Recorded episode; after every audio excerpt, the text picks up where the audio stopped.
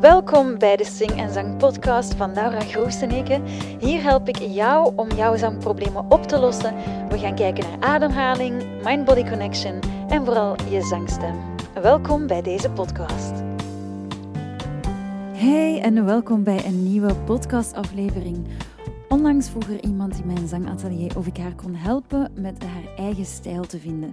En toen vroeg ik haar, wat bedoel je nu precies met stijl vinden? Wat, bedoel je met die stijl?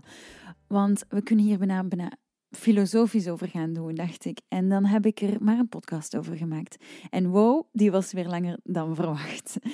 Maar voor we beginnen stel ik me graag even voor voor de nieuwkomers. Ik ben Laura Groeseneke en ik zing al meer dan 15 jaar professioneel en heb opgetreden met artiesten zoals Ozark Henry, Mauro Pawlowski, Daan, Willy Sommers, Tom Helze, um, Klaas van Yevgeny en veel meer. In 2018 mocht ik zelfs België vertegenwoordigen op het Eurovisie Songfestival. Dat was een van de zotste dingen die ik in mijn leven heb gedaan.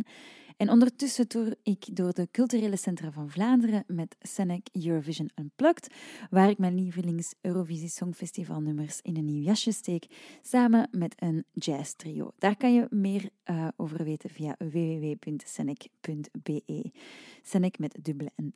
Daarnaast geef ik al heel lang zangles, bijna tien meer dan tien jaar.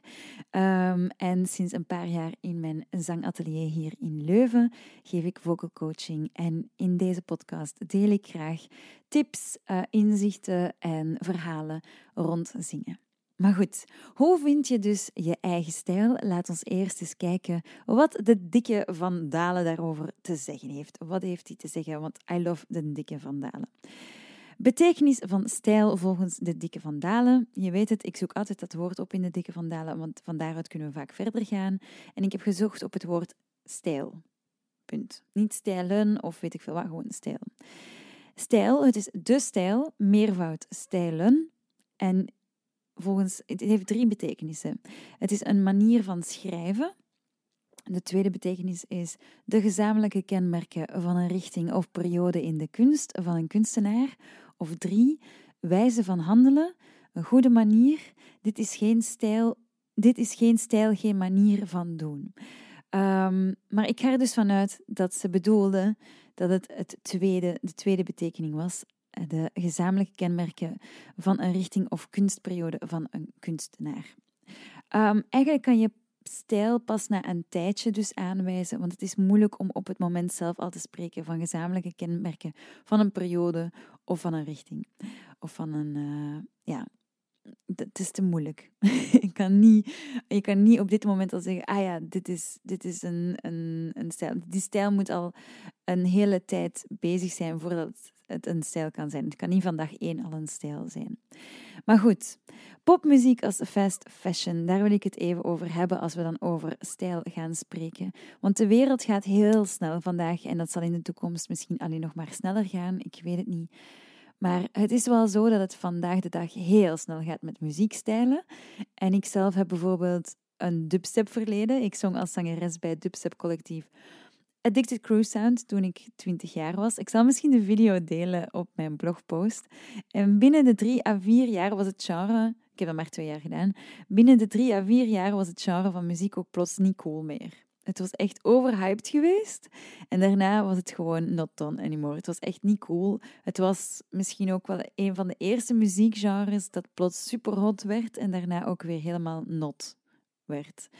En alhoewel het blijkbaar aan een comeback bezig zou zijn, ik weet het niet, na tien jaar, meer dan tien jaar, um, zou het terug wat hip zijn, de dubstep. Maar ik voelde toen echt van, wow, het gaat hier heel snel. Twee, drie jaar zong ik het en dan twee jaar later was het niet meer cool.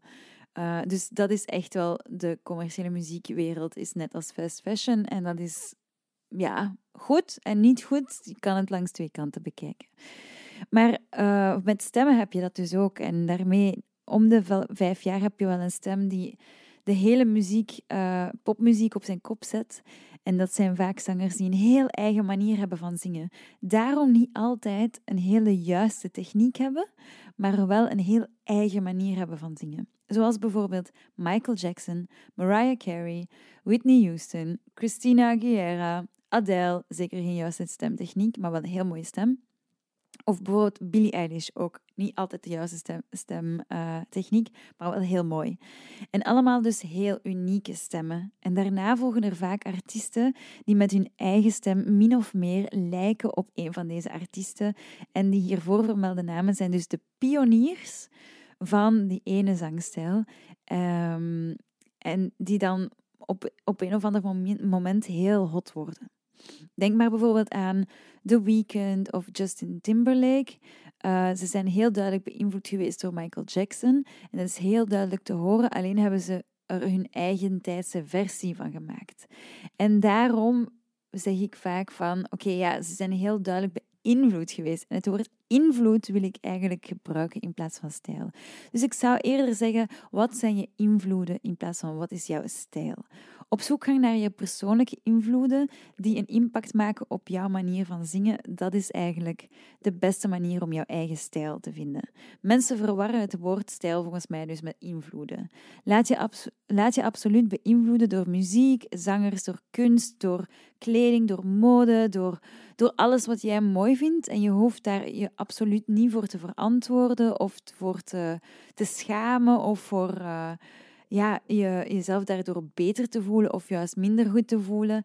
Dit is wie dat je bent en, en voel dat van binnenuit waar, waar dat jij naartoe wordt gezogen, waar dat jij wordt tot aangetrokken. En dat zijn jouw invloeden die dat jouw stijl gaan bepalen. Dus het is aan jou, je moet het gewoon allemaal dan gaan mashuppen, weet je wel? Hoe vind je dus nu die eigen stijl? Kijk gewoon naar je Spotify-playlist. Alles wat je daar hebt, waar je naar luistert, dat zijn jouw invloeden. Um, en deze neem je gewoon mee wanneer je zingt of wanneer je een nummer schrijft. En het is echt oké om heel eclectisch te werken en soms heel bizarre combinaties te gaan maken. Want dan, dan wordt het net interessant en spannend. Dus wees echt niet verlegen dat je bijvoorbeeld naar Mozart luistert en naar hip-hop en naar hard rock en dan ook naar Disney soundtracks. Nee, mix het gewoon allemaal tezamen en je krijgt net iets super uniek en boeiend. Dat is een eigen stijl vinden. Dat is echt helemaal je eigen kunnen zijn. En die invloeden in jezelf laten mixen, dat is zo, zo, zo krachtig. Dat is jouw eigen invloeden tot een eigen stijl maken. Maak dus niet dezelfde fout zoals ik heb gedaan, want in mijn tienerjaren was ik een zeer onzekere, en zelfs in mijn twintig jaar, twintiger jaren, was ik een zeer onzekere persoon. En ik ben vaak op zoek gegaan naar wie dat ik was en wat mijn stijl was. En ik was heel hard bezig met die stijl, want ja, ik zong, dus ik moest een stijl hebben. En ik heb in die tijd de fout gemaakt om mezelf te beginnen vernauwen en niet te gaan verwijden. Dat is heel belangrijk. Ik wou op een gegeven moment een coole rockchick zijn. Ik ben enkel nog maar naar vrouwenrockmuziek beginnen luisteren voor een hele periode. Met als gevolg dat ik niet veel had om mee te mixen. Ik luisterde echt naar één bepaalde stijl, al de rest was niet cool. En dat is de grootste fout, dat is mijn wijze raad, de grootste fout die je kan maken. Want daardoor ga je exact hetzelfde maken naar wat je aan het luisteren bent, omdat het te het te veel hetzelfde is.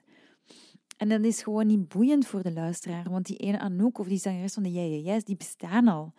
En als je dan iets maakt dat er gewoon klakkeloos op lijkt, ja, waarom zouden mensen willen komen luisteren naar iets wat ze al gehoord hebben? Je wilt ze net verrassen met je eigen twist, die komt van een of andere invloeden die jou net speciaal maakt. En dat noemen ze authenticiteit. Ja? Dus don't copy. Ga niet zoals ik vlekkeloos gaan beginnen kopiëren, maar zoek naar je eigen pure stem. En daar kom je pas bij, die eigen pure stem, als je een juiste techniek hebt. En wanneer je kan afstappen van al die effecten die je aan toevoegen bent om je foute techniek te verdoezelen.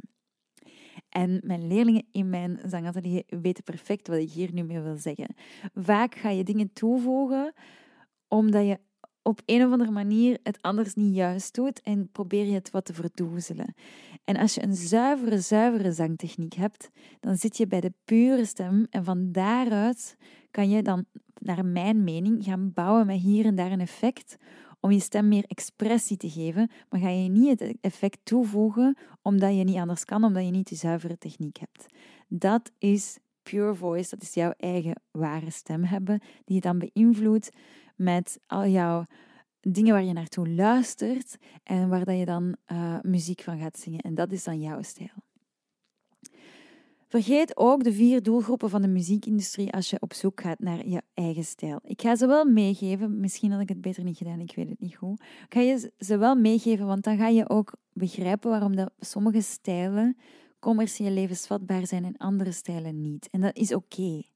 Het is oké om een stijl te hebben die niet commercieel levensvatbaar is, maar die moet wel authentiek zijn. Je hebt dus vier grote doelgroepen in de muziekindustrie en daaraan toetst een commerciële platenmaatschappij aan of je muziek zal aanslaan of niet. En dat is gewoon heel technisch. Dat heeft niks te maken met talent of met genialiteit. Trust me. Ik heb geniale uh, zangeressen, muzikanten gezien die dat fantastische dingen doen, maar dat is gewoon niet commercieel levensvatbaar omdat dat muzikantenmuziek is. En dat is oké. Dat is helemaal oké. Um, en die zullen wel een eigen niche hebben, maar het zal nooit een gigantisch groot commercieel succes zijn. En dat is oké. Niet alles moet een groot commercieel succes zijn. En laat ons daar heel duidelijk in zijn. Het is ook gewoon onmogelijk om jezelf in een stijl te duwen om commercieel succes te ervaren als je, iets niet als je helemaal niks hebt met dat genre. Elke keer als ik iemand tegenkwam die een genre speelde waarvan ik echt mezelf helemaal, ik kon mezelf er helemaal niet in vinden in dat genre, dan was ik elke keer verbaasd hoe echt en oprecht en gemeend dat die persoon zich met volle passie voor dat genre gaf. Um, ik heb bijvoorbeeld niet echt iets met Nederlandstalige uh, popmuziek.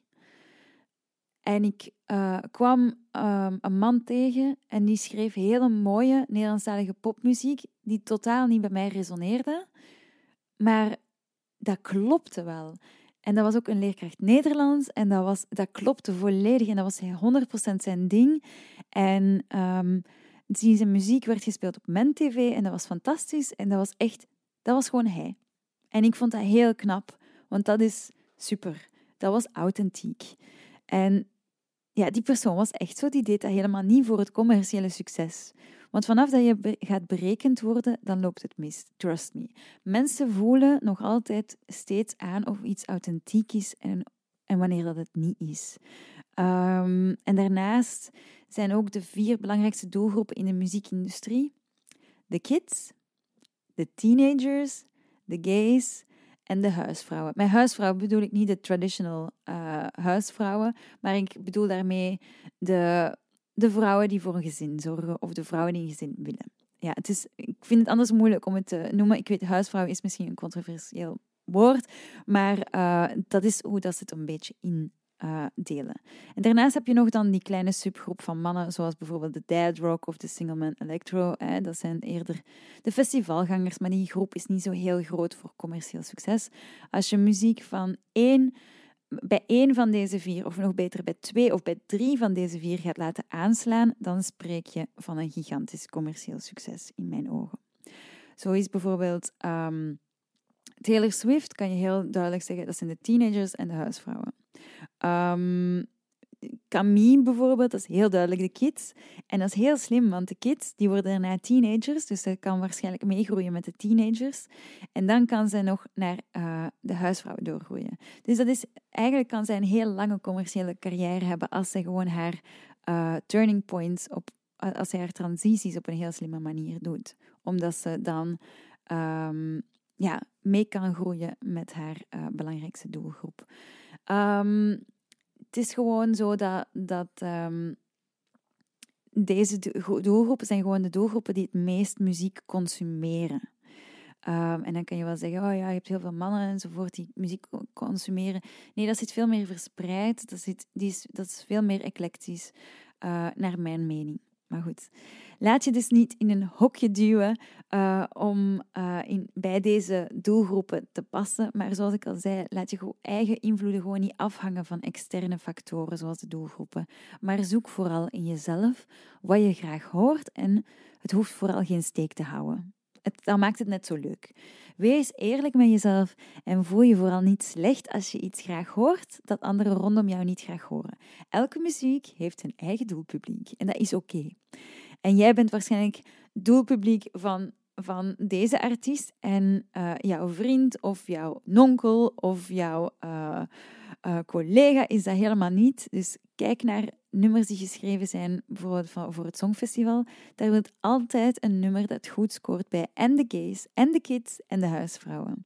En elke keer als er dan een nummer geselecteerd wordt, of het nummer dat wint, en ik kijk dan naar de commentaar op het nummer dat gewonnen heeft, dan zijn het altijd de oudere mannen die hier vooral commentaar op hebben en de mensen die helemaal niet de doelgroep zijn van het Songfestival. En dan zeggen ze, oh, en het is weer slechte muziek, en bla bla bla. En dan denk ik van, ja, het is gewoon niet voor u. Je zit niet de doelgroep. Dus het maakt niet uit dat je dat hieronder gaat schrijven, want doesn't make sense. en dat is super grappig.